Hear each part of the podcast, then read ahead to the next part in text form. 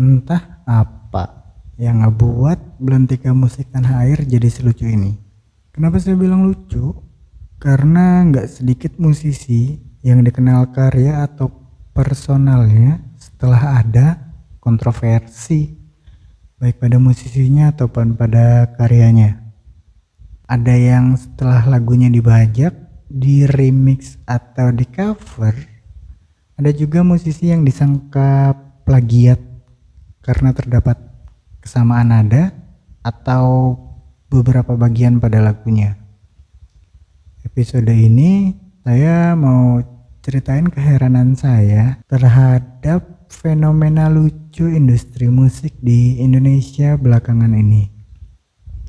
Saya Fajar Sidik, inilah Serti Degree Senior. 30 degrees senior. Life begins at 30. The last 29. Just been a practice. Kalau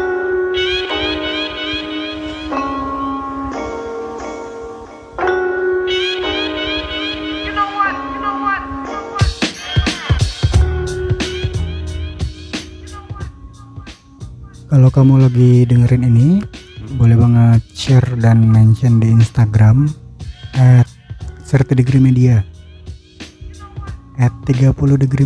Jangan lupa di follow atau ada yang mau tanya ya monggo. Mungkin sebagian dari kamu ada yang udah sering denger uh, lagu entah apa yang merasukimu. Uh, atau lihat dari video-video yang ada joget-joget gaya khasnya itu gaya-gaya apa sih burung gagak gitu.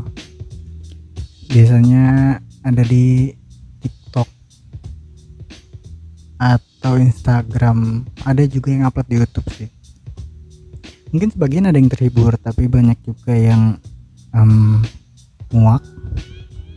Saking seringnya dengar potongan lagu itu sampai bosen banget tapi kamu tahu nggak kalau lagu itu merupakan lagu remix dari lagunya band Ilir 7 yang judulnya Salah Apa Aku. Nih saya saya kasih dengar potongan remixnya dulu ya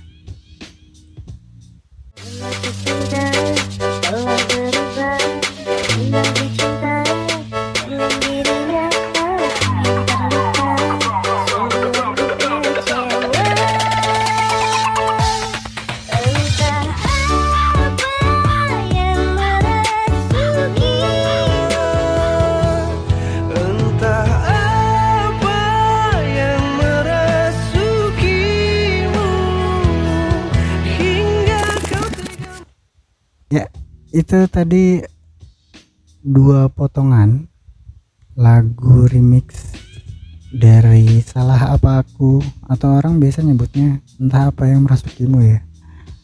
Lalu digabung eh, selanjutnya adalah lagu aslinya lagu dari band aslinya Ilir 7 judulnya salah apa aku. Sebenarnya entah harus senang atau sedih sama fenomena kayak gini di mana kita tuh lebih mengenal satu karya lagu musik atau bahkan kenal musisinya itu setelah lagunya musiknya populer oleh cover remix atau bajakan. Saya nggak tahu ya entah uh, dibalik uh, fenomena ini tuh memang ada kerjasama atau gimana? Karena yang saya lihat dari record labelnya band ini sendiri dia juga ada remix uh, remix uh, house musicnya sih. Tapi bukan seperti yang biasa populer itu yang ada burung gagaknya itu. Kalau dilihat um, ke belakang itu ada Via Valen, Nela Karisma, itu juga populer ngetren dengan lagu dangdut. Kita taunya lagu dangdut duluan padahal mungkin sebagian orang ada yang udah tahu ya. Uh, NDX AKA gitu itu lagu aslinya. Dan ya sekali lagi saya nggak tahu apa mungkin ada kerjasama di baliknya di belakangnya gitu atau memang ini merupakan uh, pembajakan ya bisa dibilang karena uh, membawakan lagu orang tanpa ada kesepakatan untuk tujuan komersil. Nah, selain Nela Karisma kemarin yang ramai terus Via Valen mundur ke belakang lagi kita tahu kita kenal Virgon Last Child.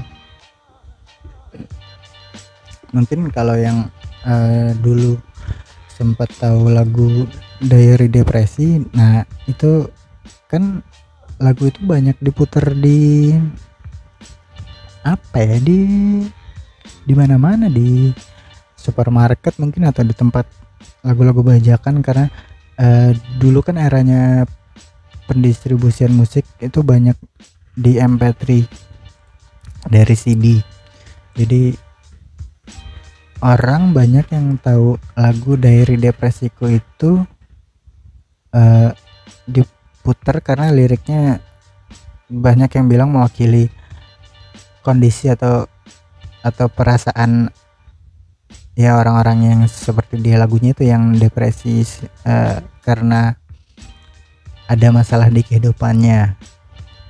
Tapi Last Child sendiri baru baru naik ke permukaan ya setelah lagunya itu banyak beredar.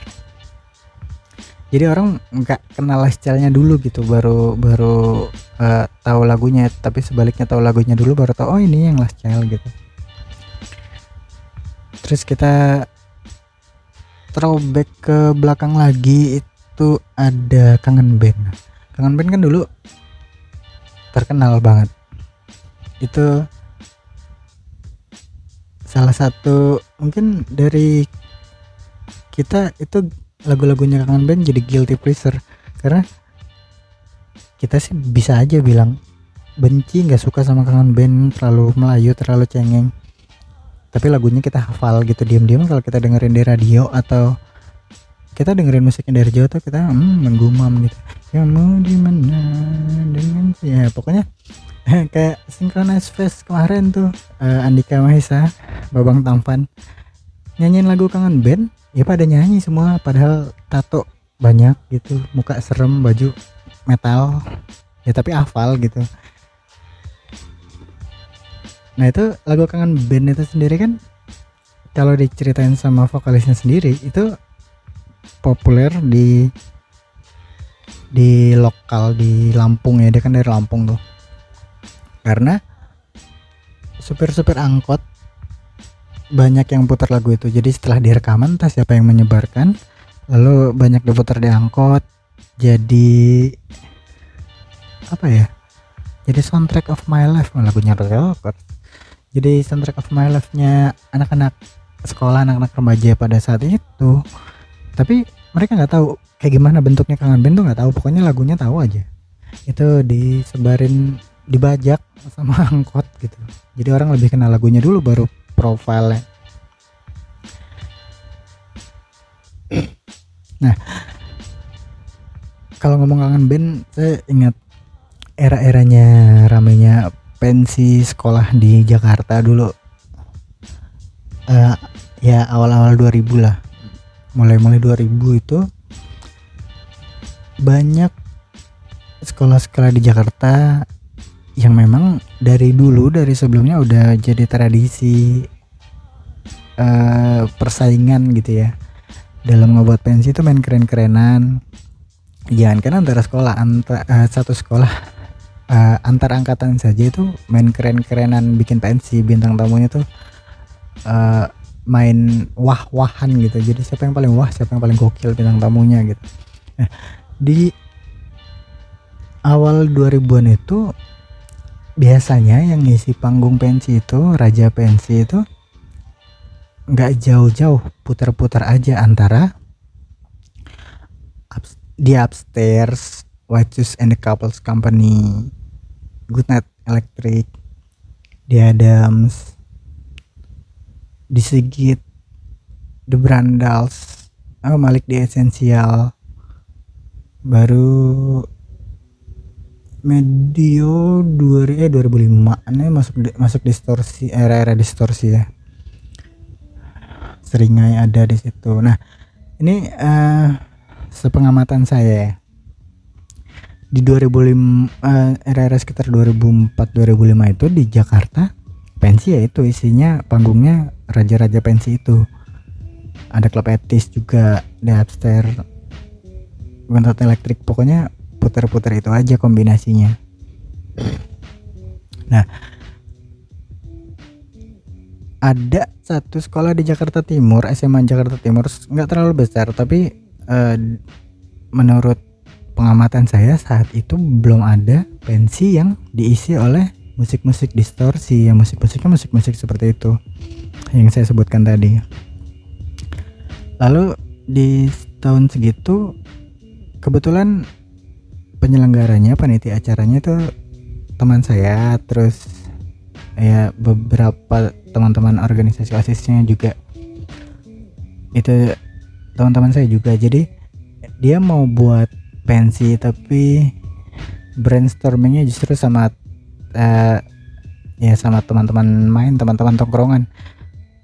Untuk mencari konsepnya kira-kira konsep pensi kayak gimana ya yang keren? Ya karena kan eh, saya dan teman-teman saya juga eh, bermusik itu main band ya udah saya eh, sampein aja. Ya udah yang main mah anak-anak aja saya bilang gitu. Ah gila masa musik-musik distorsi katanya gitu. Kebetulan kan teman-teman saya main musik-musik ya distorsi underground kayak gitulah lalu coba diajukan konsep itu buat sekolah itu nggak masalah. Baru tuh dimulai. Eh, waktu itu saya juga sempat manggung di situ di pensinya. Bintang tamunya itu ada Steven Kokonatris ya waktu baru-baru dia eh, mau apa bersinar lah yang lagunya pas Welcome to My Paradise gitu ya. Steven ada Endang Sukamti saya satu stage juga waktu itu. Nah itu kan gelombang-gelombang emang Endang Sukamti Rocket Rocker Segidok nah terus di pensi itu juga masuk aliran-aliran musik distorsi underground kayak skinhead punk rock street punk hardcore itu banyak masuk di situ. Dan itu tuh jadi kayak tolok ukur bukan tolok ukur ya apa eh, jadi milestone untuk berikutnya banyak pensi yang memasukkan musik distorsi ke eh, performersnya gitu pemainnya.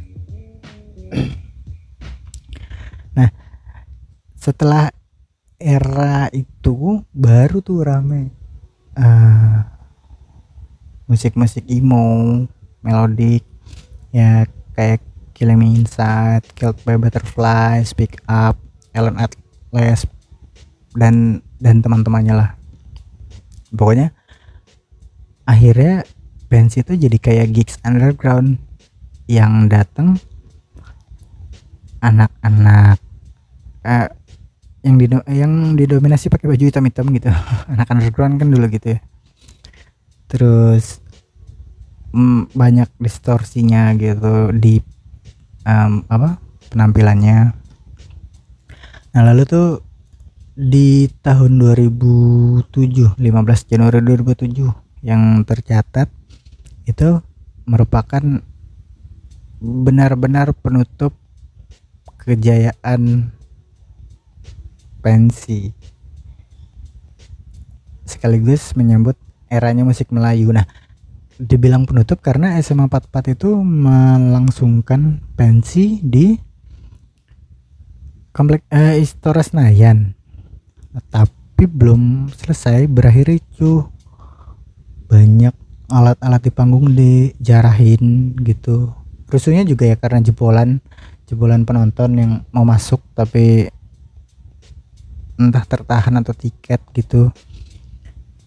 Dan saat itu juga ada pertandingan timnas timnas Indonesia timnas Indonesia lawan apa ya dulu? Singapura kalau nggak salah. Lawan Singapura. Dan ada juga oh ini. Apa sih pameran pameran otomotif kalau nggak salah di JCC itu. Jadi memang ada banyak acara dengan konsentrasi massa gitu. Ada beberapa titik gitu. Jadi masa rusuh itu juga yang ada nggak cuman mau nonton pensi jadi memang ada yang uh, supporter sepak bola ada juga yang bahkan jadi korbannya tuh mobil-mobil yang didisplay untuk pameran otomotif pameran mobil itu. Nah itu hancur. Pokoknya semenjak itu udah nggak ada izin yang dikeluarin dengan mudah untuk buat pensi atau pun ada pensi ya hanya pensi internal dalam sekolah gitu. Karena kalau dulu pensi ya biasanya kalau nggak di tenis indoor di Plaza Barat Senayan Plaza Timur pokoknya uh, di Bulungan ada juga. Jadi memang tempat-tempat yang biasa dipakai untuk gigs acara musik besar gitu. Jadi paling ada setelahnya tanya di dalam-dalam sekolah. Era kejayaan pensi berakhir lalu berkibarlah bendera musik Melayu. Ya musik Melayu. Uh, musik Melayu sebenarnya bagus tapi yang saya heran adalah saat itu setelah kangen band lahir nggak lama tuh disusul apa ya ST12 kalau nggak salah. Lalu banyak band-band lain band-band Melayu Karbitan yang kualitasnya seragam kayak gitu aja pokoknya putar-putar di Melayu dengan musik-musik cinta-cinta cengeng karena kan trennya saat itu masih hmm, apa ya galau-galau tuh apalagi cowok cowok tuh nggak galau gitu. Kalau misalkan memang cowok terluka ya dia nyanyi ya mungkin galau tapi lagunya nggak melo-melo gitu lagunya ngerok gitu kan terus oh saya pernah waktu itu uh, lagi nemenin teman saya orang Jepang. Ketika kita lagi makan jalan gitu dia tuh sering lihat ST12 di panggung dengan kayak Charlie rambutnya gitu. Charlie Van Houten kan mukanya. Uh, apa ya? Unik banget pokoknya gampang diingat. Itu dia ngeliat dan dia sadar ini orang ini band kok di beberapa stasiun TV ada terus gitu. Dia tanya ini lagi populer ya? gitu. Saya sempat gelagapan ditanya kayak gitu karena sejujurnya saya agak tengsin. Kayak kalau yang populer kayak gitu berarti kan standar musik di Indonesia ya kayak Studio 12 dan aduh banyak kok musisi keren dan musik yang lebih baik untuk dijadikan standar cuman industri musik, industri TV memilihnya yang seperti itu saat itu. Saya bilang, "Oh iya, uh, dia terkenal tapi dia adalah pemenang ajang musik parodi. Saya bilang itu band parodi band komedi jadi uh, dia baru menang. Jadi itu kenapa dia banyak ditayangin di beberapa stasiun TV karena kalau saya bilang oh iya ini lagi ngetren sekarang ya saya malu Indonesia trennya saat itu sangat hancur gitu kan. Saya sebagai negara yang pernah dijajah Jepang gengsi juga. Karena seragam banget gak cuman mendayu-dayunya temanya itu cinta tapi cinta-cinta yang cengeng gitu bukan cinta-cinta yang keren cinta-cinta yang puitis atau seperti lagu-lagu di tahun 90 nah itu saya suka tuh. Menurut saya tahun-tahun 90 itu adalah era kejayaan lagu cinta yang gak norak. Karena pemilihan kata-katanya itu sangat puitis gitu ya. Atau sekalinya pun nggak puitis itu nggak cengeng cinta-cintanya gitu. Masih ya romantis banget lah gitu. Eh, yang sangat puitisnya mungkin seperti Club Project gitu kan era-era tahun 90 yang goldnya atau yang sedikit upbeat kayak bass jam mungkin pokoknya banyak nggak nggak perlu didefinisin satu-satu karena 90 musik 90-an itu di Indonesia bisa dibilang eh, apa ya golden eranya musik pop dan musik cinta-cinta yang nggak norak dari diksi lagu pemilihan kata-kata pada lagu terus musikalitas yang nggak seragam waktu itu. Dan tahun-tahun di mana kualitas musik itu bagus banget karena itu tahun-tahun transisi ya 90 itu di mana produksi musik dari analog bertransisi ke digital gitu recording terus ya mastering juga.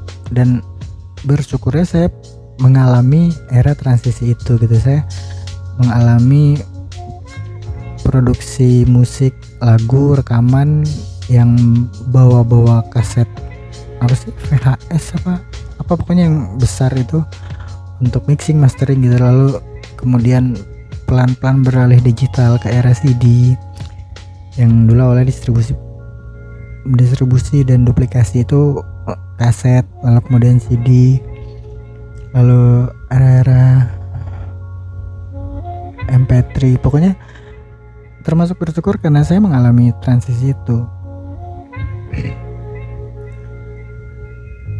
Terus dengan segala keterbatasan saat itu kualitas musik yang baik bahkan sangat baik bisa saya rasakan. Dan ketika saya dengar sekarang masih masih kelas gitu kualitasnya masih ada itu ya musik-musik tahun 90-an itu gitu. Nah, terus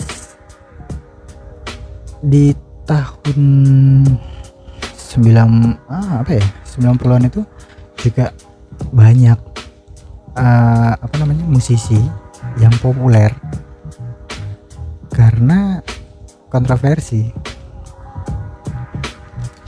Salah satunya itu dulu Desi Anwar. Eh Desi Anwar, Desi Ratnasari. Desi Anwar mah apa ya? Pe- Pembaca berita. Pembaca berita di RCTI dulu. Eh, Desi Ratnasari. Itu dulu dia eh, seingat saya karena lagunya judulnya Takdir. Jadi saya awal-awalnya ngerasa pemerintah itu mulai mencampur urusan seni seniman itu di situ. Lagu takdir dinilai itu tidak memberikan pengaruh baik. Karena salah satu liriknya itu tak takdir memang kejam. Jadi kalau meni- menilai takdir itu kejam juga berarti menilai Tuhan itu kejam gitu. Terus ada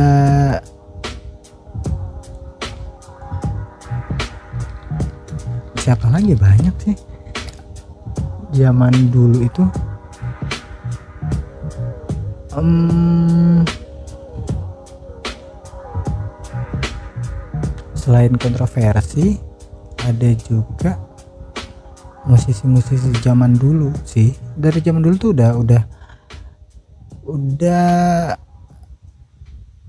nggak tahu itu mereka nyebutnya terinspirasi tapi ya kita nggak pernah tahu apa yang sebenarnya terjadi. Ini berita-berita ramai plagiat jiplak-jiplakan. Itu yang pertama saya ingat itu adalah uh, Seven.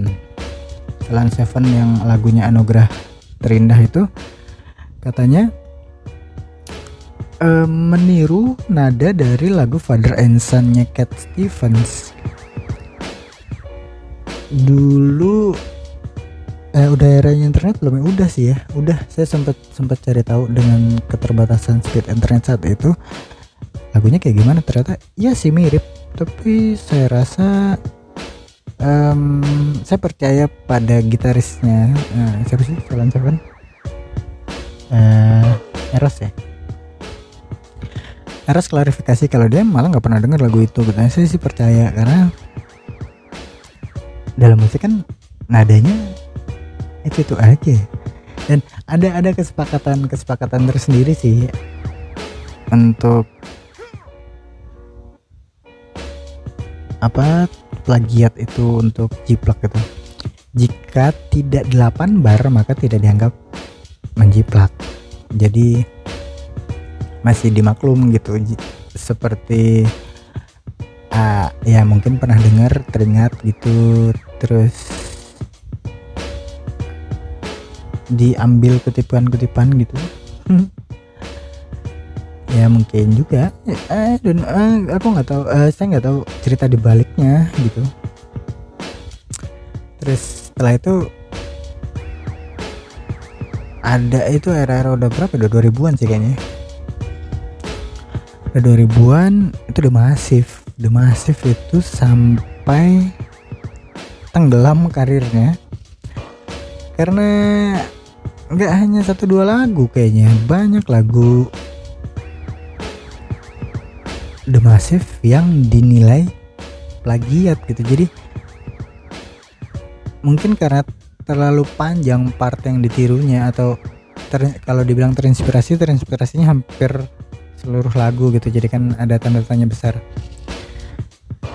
The Massive terus banyak yang bilang juga ada ah Last Child juga sempat dituding uh, plagiat Vera Tel sama Los Propet dan apa ya? Kalau menurut saya sih lucu. Lucunya adalah uh, netizen ya. Netizen tuh udah ada dari dulu sih sebenarnya. Cuman ya memang dulu oh, dulu yang yang menelurkan gosip itu ya di infotainment ya. Kalau sekarang infotainment masih kalah sama netizen sama akun lambe-lambe pokoknya. Itu yang lebih cepat me, apa ya menyebarkan informasi menyebarkan gosip. Ya dari dulu tuh uh, lucunya bukannya mengapresiasi utuh musiknya tapi lebih kayak nyari-nyari kesalahannya gitu. Jadi oh ini mirip sama intronya. Ini nih ini lagu ini adanya ada mirip-mirip. Ya nothing new under the sun. Mau buat lagu yang bener-bener orisinil baru? Kayaknya nggak bakal bisa deh karena ya dari nadanya juga udah itu itu aja. Terus mau dikombinasiin gimana pun ya pasti ada samanya jadi daripada capek-capek nyari apa ya nyari kesalahan dalam sebuah karya musik khususnya band band dan musisi ya ya kita apresiasi utuh aja. Ya kalau misalkan dia jual CD atau sekarang udah penjualan digital ya udah kita beli penjualannya kalau dia ngeluarin uh, punya merchandise resmi ya kita koleksi merchandise-nya kayak gitu aja. Karena kalau misalkan ngelihat lagu-lagu itu terus kita ngelihat lagu-lagu yang sama nadanya atau hanya sebagian mirip gitu. Nggak sama sih mirip tapi. Itu kita langsung ngecap oh ini plagiat.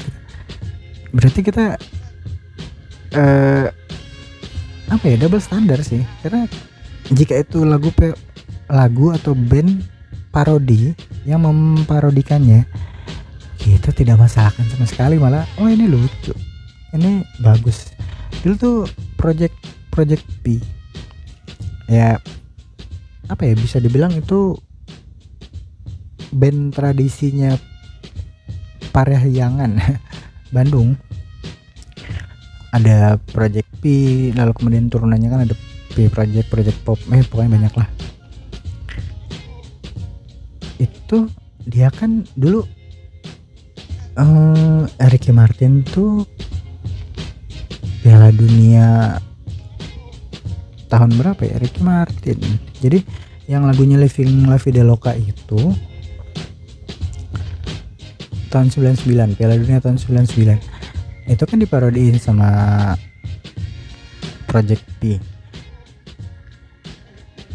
semua orang tahu itu musiknya plagiat dari Living La Vida Lokanya Ricky Martin. Tapi karena itu lagu parodi saya nggak ngelihat ada yang masalahin oh dia plagiat. Malah jadi hiburan bahan-bahan ketawaan. Ah iya lucu nih gitu sih. Denny Project P Project P atau Project P Project sama ya ya pokoknya si Denny dia juga joget kayak Ricky Martin gitu kan di video klipnya. Jadi bahan hiburan bahan lucuan lucu-lucuan gitu. Nggak ada yang masalahin itu. Lalu ada uh, era setelahnya mungkin ya. Uh, tim low. Tim low band gelo dari Solo. Banyak mengutip lagu potongan lagu-lagu entah lagu luar negeri atau lagu dalam negeri lagu Indonesia. Dipotong dicampur di medley yang kalau kalau dilihat dengan logika yang sama saat orang-orang lain atau netizen itu mengatakan itu lagu plagiat karena itu jelas jelas banget. Itu bukan cover itu plagiat dia meniru gitu. Kalau dibilang uh, tidak untuk komersialisasi kan itu dilakukan di panggung hiburan panggung televisi bahkan.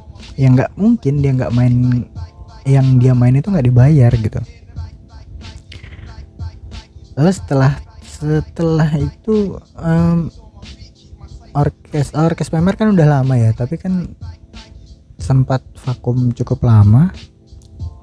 Lalu kemudian kembali lagi dengan mini album yang isinya itu parodi dari lagu-lagu uh, naif lagu efek rumah kaca gitu. Yang jelas nadanya itu sama banget. Cuman bedanya musiknya alirannya aliran orkes dangdut liriknya diganti dijadiin parodi nggak ada yang ya, klaim nggak ada yang komplain nggak ada yang ngecap oh orkes PMR itu plagiat.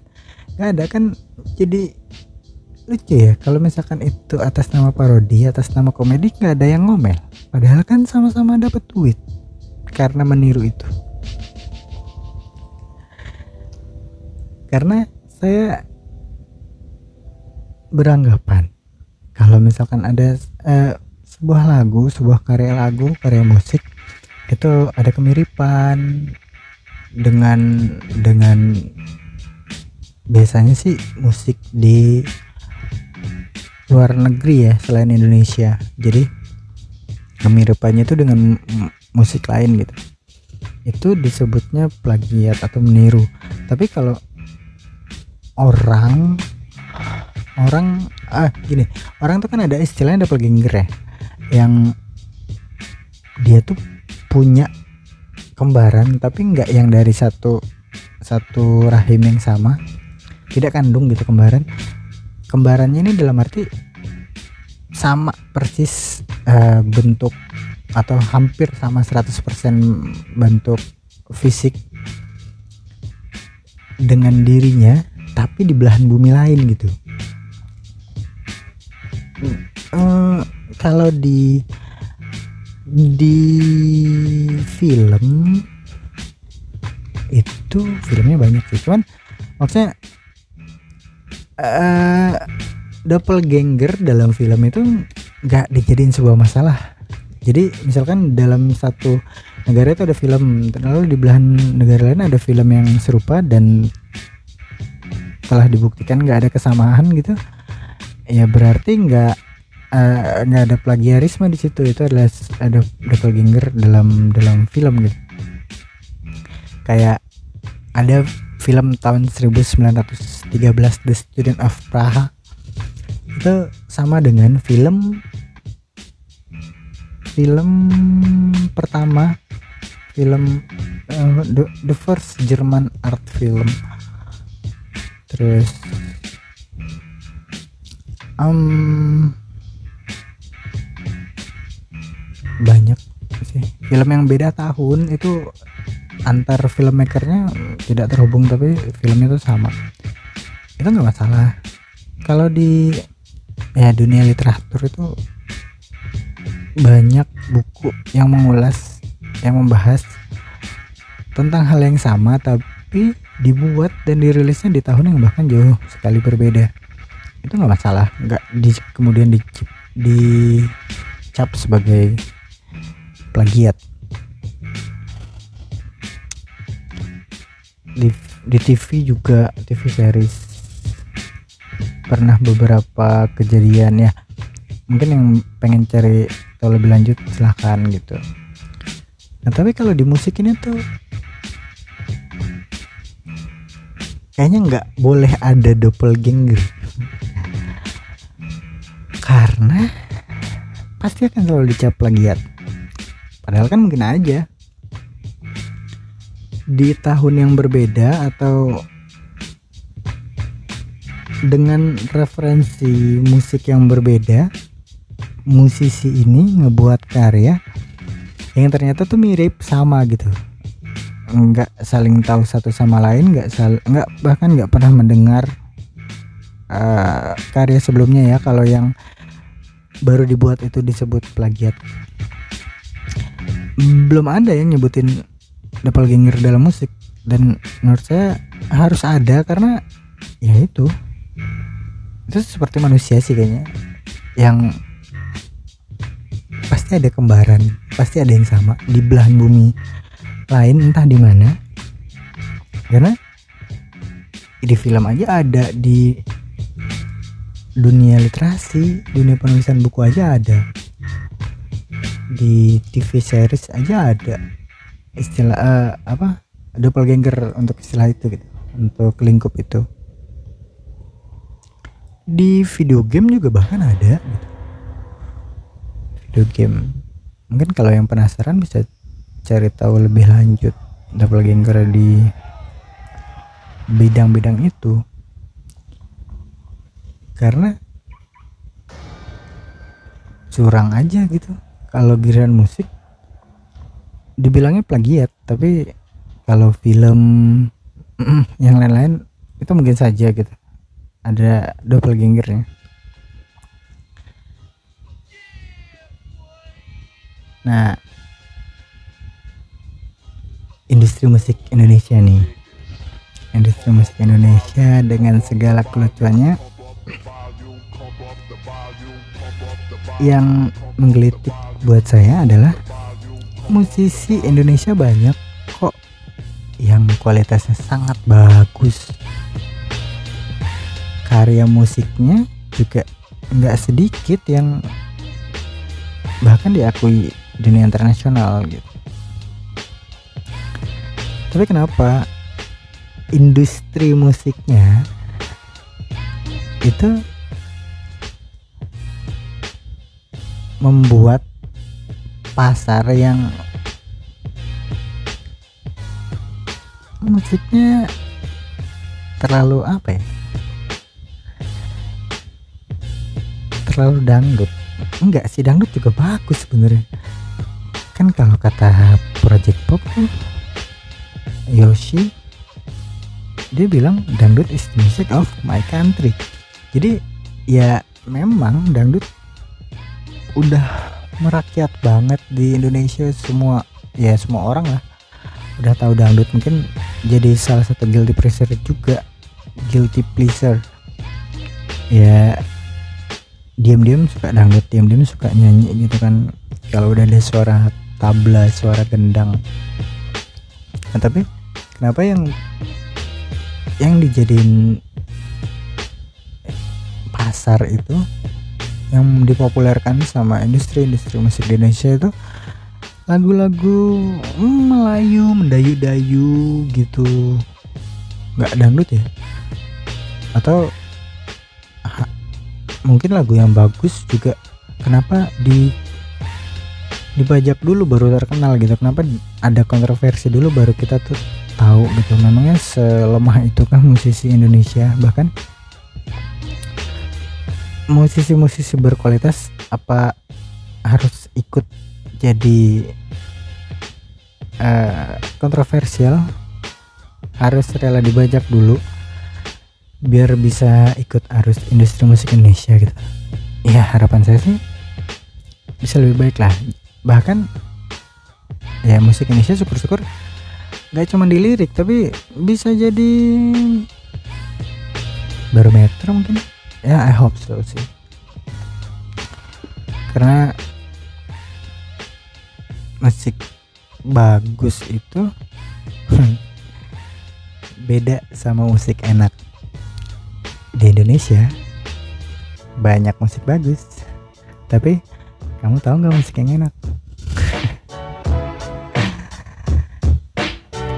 Kalau kamu lagi dengerin ini langsung aja share dan mention di Instagram at 30 degree media at 30 degree jangan lupa dengerin episode yang lainnya. Saya Fajar Sidik pamit undur suara dari telinga kamu.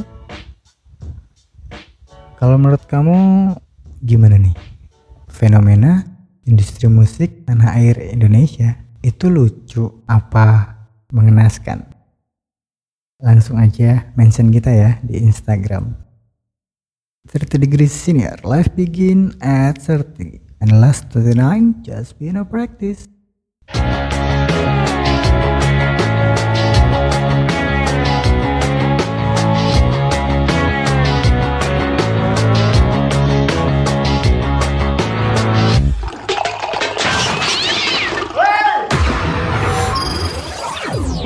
Listening. 30 Degrees Radio.